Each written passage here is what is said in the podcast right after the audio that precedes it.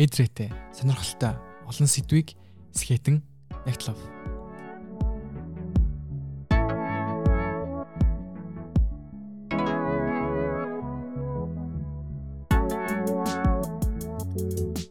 Хүн төрөлхтний ирээдүйн оршин тогтнолд хамгийн томор занал хийж буй асуудал бол дэлхийн дулаалал буюу дэлхийн цагуурын өөрчлөлт билээ. Тэгвэл энэхүү асуудалтай тэмцэх зорилготой сайхан Шотландын Глазго хотод зохион байгуулагдсан дэлхийн олон улсын хэмжээний COP26 уулзалт зохион байгуулагдсан билээ.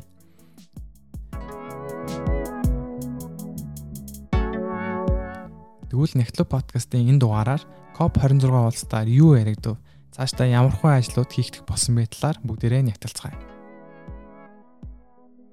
Дэлхийн маш олон эрдэмтэд цагуурийн өөрчлөлт хүнд хүрлэхний түүхэнд учирч байсан хамгийн том асуудал гэдэгтээ бас санал нийлээд байгаа.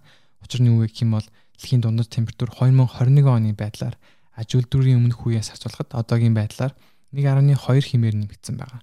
Жил бүр өмнөх жилүүдээс илүү халуун болж байгааг бид нар бол анзаарж байгаа.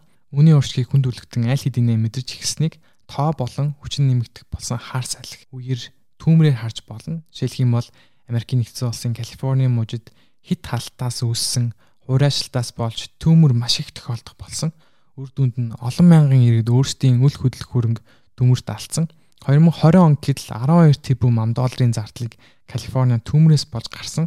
Эдгээр төмрүүд ирээдүйд илүү хэсэг нь дамжиггүй гэдгийг бол эрдэмтэд онцолж байгаа. Wildfires are scorching the west coast, leaving behind a path of death and destruction. In California, the August complex fire has become the largest fire in state history. Дэлхийн дуудларлыг багасгаж, дэлхийн цагуурын өөрчлөлтийг зогсоохын тулд олон улсын лидерүүд жил бүр уулзаж санал солилцох болсон. Түүний жишээ нь 2015 он зохион байгуулагдсан Парисын гэрээгээр дэлхийн дулаарлыг хоёр хим дотор барина гэж гарын үсэг зурхаар шийдэгдсэн байдаг. Гэсэн хэдий ч одоогийн энэ хивээр явах юм бол 2100 он гэхэд дэлхийн дундаж температур 2.7 хэмээр нэмэгдэнэ гэж эдэмтэд тооцоолоод байгаа. Уг дулаарлыг 1.5 хэм дотор барихын тулд 2030 он гэхэд net zero emission буюу хүлэмжийн хил ялгарлыг багасгах биш бүр цаашлаад 0 болох шаардлагатай юм а гэж үзэж байгаа. Хүлэмжийн хийн маш олон их үүсвэрээс гардаг бөгөөд үүн 72% нүүрс төрөгчийн хий, 19% метаны хий, 6% азотын хий мөн бусад хий багтдаг. Мэдээж нүүрс төрөгчийн хийн эрчим хүч, боловсруулалт, тээвэр, үйлдвэрлэл зэргээс гардаг. Ховчлох юм бол цахилгаан тээвэр нийлээд 73% ялгаруулдаг. Үйлдвэрлэл 5.2%-ийг, хог хаягдал 3.2%-ийг, хөдөө аж ахуй, газар ашиглалт нийлээд 18.4%-ийг нийт төрс төрөгчийн ялгарлыг бол эзэлт юм байна. Тэр 2015 оноос хойш мэдээж дэлхийн цагуурын өөрчлөлтийн байдал дээрдэггүй биш бол муудсан учир нь дэлхийн олон лидерүүд дахин дахин уулзаж шийдэл олох шаардлагатай байна гэж байн байн босны нь сайхан болсон COP26 уулзалт билээ. COP гэдэг нь нэгдсэн үндэсний байгууллагын цагуурын өөрчлөлтийн ээлжилт хурал бөгөөд Conference of the Parties гэсэн монголоор хэлэх юм бол талуудын баг хурлаа гэж нэрлэгдсэн юм байна. Энэхүү хурал 1994 оны Нүүбийн уур амьсгалтын өөрчлөлтийн Зуур конвенцэд гарын үсгс урсан бүх улсууд оролцдог. 2021 онд харин энэхүү хурлын ээлжилт 26 дахь хурал Шотландын Глазго хотод зохион байгуулагдсан. Тэгвэл уулзалтын үеэр юу болж өнгөрсөн юм бол тэгэхээр 2021 оны 11-р сарын 1-ний өдөр уг уулзалт зохион байгуулагдаж эхэлсэн. Уулзалтад дэлхийн олон улсын засгийн газрын тэргүүнүүд, олон улсын байгууллагууд, төрийн бус байгууллагууд, бизнесийн төлөөллүүд мөн залуусын төлөөллүүд оролцсон. Энэ уулзалт нь цар татлаас хойш болж буй анхны том хэмжээний олон улсын уулзалтаа гэдгээр бол онцлогтой. Уг хурлыг Британий ерхий сайд Борис Джонсон ахалж явуулсан байдаг. Тэгэхээр уулзалт эхлэн цагаас эхлээд дэлхийн нийтийн анхаарлын төвд бол байсан. Эхний өдрөөс эхлээд улс төрийн лидерүүд цагуурын өөрчлөлтийг хурдыг бууруулах зайлшгүй шаардлагатай байгааг удаа дараалан мэдэгдэж байсан. Харин гол зүйл нь тэд юу хийж чадах вэ гэдэг асуултууд нь оршиж байсан гэж хэлэхэд болно. Иймэрхүү төрлийн уулзалтууд мэдээж чухал байдаг ч үр дүн муутай байдаг гэдгээр шүүмжлэл хүртдэг. Үүний жишээ Шведийн цагуурын идэвхтэн 18 настай Грете Тонберг гэдэг охины та бүхэн мэдж байгаа бах. Тэрээр хэлэхдээ цагуурын өөрчлөлтөд тэмцэхийн тулд бид ичимтэй нүүрс хүслийн хийн ялгарлаа бууруулах хэрэгтэй байна. Одоо эдгээр хүмүүсийн хийж ярьж байгаа зүйлс бол юу ч биш. Ямар ч үр дүнгүй зүгээр л улс төрийн жүжиг материал төр хурц хурцаар шөмжилж байсан. It is not a secret that COP26 is a failure. Дэлхийн өндөр хөгжилтэй улсууд дэлхийн дулаарлаг өөртөө бий болгочоод одоо болохоор хариуцлага хүлээхгүйгээ сууж байна. Энэ бол байж болохгүй зүйл. Харин эсрэгээр дэлхийн дулаарлалд баг нөлөө үзүүлээгүй хөгжил буурай жижиг орнууд цаг үеийн өөрчлөлтийн хамаг сөрөг нөлөөг амсж байгааг одоо шудраг бус жишээ нь Африк нүүрс хүслийн ялгарлын 3% гаргасан мөртлөө одоо маш их охирж байгааг тэрээр онцлсан байна. Мөн тэрээр уг хурлыг эсэргүүцэн эсэргүүцлийн жагсаалыг ахлан оролцож маш олон залуусыг игнэндээ нийтгэж олж чадсан байна. Мөн хурлын үеэр болсон бас нэгэн сонирхолтой үйл явдлыг дурдах юм бол манай урд болон хойд төрчүүд эцдийн коммунист намын дарга Ши Жинпин болон Оросын холбооны улсын эрхлэгч Владимир Путин уг хуралд оролцоогүй. Энэ үйл явдлыг нь одоо Америкийн нэгдсэн улсын эрхлэгч Жо Байден бол хурцаар шүүмжилсэн байдаг. I think it's been a big mistake quite frankly for China, respect to China not showing up. The rest of the world is going to look to China and say what value added are they are they providing. Гэхдээ Улсын холбооны улсууд нийлээд дэлхийн нийт нүүрс хүслийнхийн 32%-ыг бол эзэлдэг. Үүнээс хятад 28%, Оросын холбооны улс 5% эзэлдэг уг үйлдэлээрээ зөвхөн Байден гэлтгүү маш олон лидерүүдээс тэд шүүмжлэлд хүртсэн. Учир нь тэдгээр хоёр улсын оролцоогүйгээр дэлхийн дулаар болон цаг уурын өөрчлөлтөд тэмцэх боломжгүй гэж үзэж байгаа. Бас нэг сонирхолтой асуудал нь юу вэ гэхээр COVID-19-ийн цар тахлаас болж эдийн засгийн дөнгөж одоо сэргэж байгаа улсууд Хятад Америк хоорондын худалдааны дайнаас болж одоо уг хурлын үеэр тохиролцоонд улсууд хүрч чадахгүй байхаа гэсэн тийм одоо санаа зовнил байсныг бол дуртах хэрэгтэй байна. За харин хурлын үр дүнд ямар ямар үр дүнгууд ямар ямар шийдвэр гарвэ гэдэг бүтээрээ сонирхъя. Бараг 2-7 хоног үргэлжилж COP26 хурал маань 11 сарын 2-оос 11 сарын 12-нд өндөрлсөн. Бараг 2-7 хоног үргэлжилж COP26 хурал маань 11 сарын 2-нд эхэлж 11 сарын 12-нд өндөрлсөн байдаг. Тэгвэл дараагийн одоо шийдвэрүүд маань дууг хурлаас гарсан шийдвэрүүд юм аа гэж ойлгож олж байна. За дэлхийн температурыг 1.5 хэмээс дээш дулаар болохгүй тулд дараах хэмжээг бол авах шийдсэн.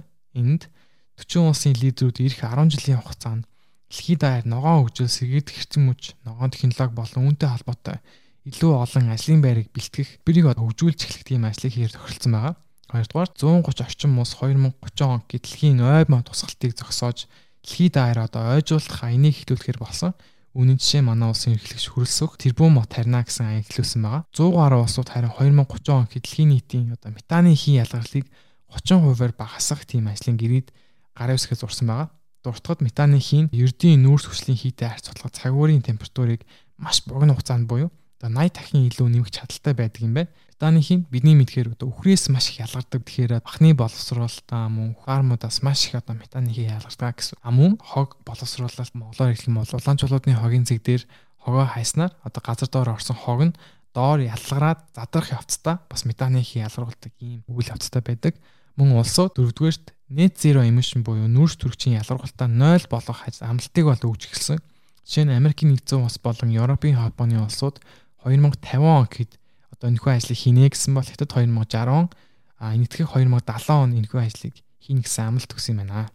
Грета Тонбергер ахлуулсан дуу хурлыг шүүмжлэгч болон маш олон хүмүүс хамгийн түрүүнд юунд анхаарлаа хандуулж ирсэн бэ гэхээр эдгээр хийсэн амлалтууд ажлууд маань дэлхийн нийт одоо дулааны температурыг нэмэгдлийг 1.1 дотор барихад хангалттай байж чадахгүй гэдэг тийм том асуултыг бол асууж байсан. Судлаачдын үзэж байгаарыг одооны хийсэн амлалтууд бол хангалтгүй Яагаад гэх юм бол дэлхийн дулаал аль хэдийн маш хорцтой нэмэгдэж байгаа дээр дэлхийн агаар мандалтай аль хэдийнэ гарсан маш хэмжээний хүлэмжийн хоригдталсан байгаа учраас энэ хийг буцааж авдаггүй юм бол хамгийн өөдрөгөөр харахад 2100 он гэхэд одоо 1.8 хэмт дэлхийн дулаал маань очих юм байна. Сонирхолтой одоо carbon sequestration буюу нүүрс төрөгчийг хийг агаараас буцааж авах тийм олон шин технологи дэлхий дээр хөгжүүлэгдэж байгаа юм байна. Бидний мэдх хамгийн үр дүнтэй арга бол мэдээж мод харах үйл явц байдаг. Ягаад тэгэхээр модыг тарьснаар мод маань одоо агаарт байгаа үр төрөгчийг өрдөө шингээгээд авдаг гэсэн үг. Тэгэхээр 2100 онд дэлхийн дулаар 1.8 хэв хэрвээ нэмэгдлээ гэхэд энэ маш олон сүр дагаврыг авчирна. А жишээлх юм бол бидний мэдих маш олон арлын жижиг улсууд усан доогоор одоо орно гэсэн үг. Бидний мэдих том хотууд ч гэсэтэй Нью-Йоркийн Манхэттен, Майами гэх хотод бол усан доор орно гэсэн тийм аюултай дүр зураг харагдаж байгаа. Үүний үр дагаварт нь бас тухайн газар амьдардаг хүмүүс маань орон гэргүү болж маш олон дэлхийд даяар дөрвөсөд их нэмэгдэж түүнийхээ дагаад одоо маш олон газрын төлөх дайн болно гэсэн тийм аюултай дүр зургууд бол харагдаж байна. Тэгэхээр энэхүү ажлыг бол дэлхийн дулаалыг бууруулах цагуурын өөрчлөлтөд тэмцэх бол зайлшгүй шаардлага бол хүндрэлтийн өмнө нь бол байна. Тэгэхээр энэхүү уулзалтын дараа ямар асуудал илүү тодорхой бус байгаа вэ гэдгийг бас сонирхъя гэж бодож байна. Яг аль улс одоо хэдий хэмжээгээр CO2 буюу одоо нүүрс хүслийн ялгаруулалтаа багасгүй гэдэг одоо хүртэл тодорхой бос байдаг. Энэ юу гэсэн үг вэ гэхээр 170 жилийн хугацаанд одоо Чинэлэг улсууд болох Америкийн нэгдсэн улс, Канада, Япон мөн баруун Европын улсууд нийлээд одоо дэлхийн нийтээр нийт ялгарсан нүүрс хүслийн ялгаруулалтын 50%-ийг ялгаруулсан байдаг. Тэгэхээр ийм болохоор дөнгөж сайхан хөгжиж эхэлсэн одоо энэтхэг хятад улсууд юу ч хэлдэг вэ гэхээр та нар дэлхийн энэ олон жилийн хугацаанд удараа олцгаад дөнгөж хөгжиж буй биднээс адилхан хариуцлага нэхэх нь бол судраг бус юм а гэсэн тийм байр суурь байдаг. Харин эдгээр чинэлэг улсуудын хувьд болохоор юу ч хэлдэг вэ гэхээр дэлхийн дулаалал буюу цагуурийн өөрчлөлтөд тэмцэхэд бид нэр ганцаараа тэмцээ зогсож чадахгүй. Та бүгдийн бид бүгдийн бүгднгийнх нь оролцоо шаардлагатай юм а гэдэг тийм байр суурьтай байдаг. Тэгэхээр энэ асуудлыг бол одоо өөр тодорхойгүй байгаа учраас жишээлх юм бол саяны хиттийн уулзалтанд ортгүй шалтгаан бас энтэй холбоотой. А мөн дараагийн том асуудал нь юу гэхээр айлд энэ 2022 он болоход ердөө 1 сарын хугацаа бидэнд үлдсэн байна. Тэгэхээр 2030 он болоход ердөө бидэнд 8 жилийн хугацаа үлдсэн байгаа. А энэ 8 жилийн хугацаанд Америкийн нэгдсэн улс жишээлх юм бол одоо өөрсдийнхөө нүүрс төрөгчийн ялгарлыг 0 болгож чадахгүй гэдэг тийм том чаленж хүү тийм том ажил бол өөрт нь хүлээж байна. Гүү чадахгүй байх юм бол бидний одоогийн байгаа энэ чатаар ингэж дэлхийн дулаараа 1.8 байтугай цаашаа 2.1 2.7 бүр ингээ 3 4 болох аюултай байгаа болохоор бид нэр оройтын юм биш үү гэдэг тийм асуултыг хүмүүс маш их олон хүмүүс асууж эхэлж байна гэж ойлгож болж байна. За гурав дахь асуудал нь юу гэхээр зарим улсууд цагуурийн өөрчлөлт тэмдгээс гална илүү одоо adaptation буюу тасан цогцох тийм байр суурьтай бол болж эхэлсэн. Энэ юу гэсэн үг хэрэг зарим далайн улсууд далайн төвчнөөс одоо нэмэгдэж буй далайн төвчнөөс хамгаалахын тулд далан ол байрч эхэлсэн. Энэ юу гэсэн үг бид аль хэдийнэ буугаад төгсөн юм уу гэдэг тийм дүр зургийг бол харуулж байна гэсэн үг. Мэдээж COP26 хурал том уулзалтын нөлөөгөөр маш олон одоо байгаль орчинд ээлтэй ирээдүйн дэлхийн дулаарлыг бууруулах том ажиллагааны гараа эхэлсэн гэдэгт бол хүн болон маш олон хүмүүс итгэж байгаа. Гисэн хэдиж төрөний миний хэлснээр маш олон ажлууд хийх шаардлагатай байна. Бид маш одоо хурдан яарвчлан дэлхийн дулаарлын эсрэг дөрвтэй арга хэмжээг авах шаардлагатай байна гэдэг тийм байр суртаа дэлхийн олон эрдэмтэд байна. Дэлхийн ирээдүйн тэр тусмаа хүн төрөлхтөн дэлхий дээр үргэлжлүүлсэн оршин тогтнож чадах уугүй юу гэдэг асуулт бидний өмнө одоо 2021 онд амьдарч буй та бидний өмнө хөр хурж ирээд байна гэж ойлгож болж байна. Хэрвээ бидний үе дөрвтэй ажил хийж чадах юм бол бидний одоо ирээдүйд хонглын үлсвэрт гэрэл асч байна гэж ойлгож болж байна. Харин бид нар юу ч чадахгүй энэ чигээрээ байвас дэлхийн температур огцон нэмэгдэж манай гарыг хүн амьдрах боломжгүй гарыг болж хувирах одоо ирээдүг бидэнд өгтөж байгаа. Тийм болохоор дэлхийн дурлалыг зогсоохын том ажил бидний өмнө ирсэн цаг үед та бүхэн амьдарч байгаа шүү гэдгийг эхлэл подкастаараа хүргэмээр байна. Тэгээд Монголд ч гэсэн бид бүхэн ямар аргаар ямар болцоогоор дэлхийн дурлалын эсрэг дэлхийн цагуурийн өөрчлөлтийн эсрэг тэмцэж чадахгүй гэдгийг та бүхэн бас одоо тус тустай бодоорой гэж би хүсэж байна.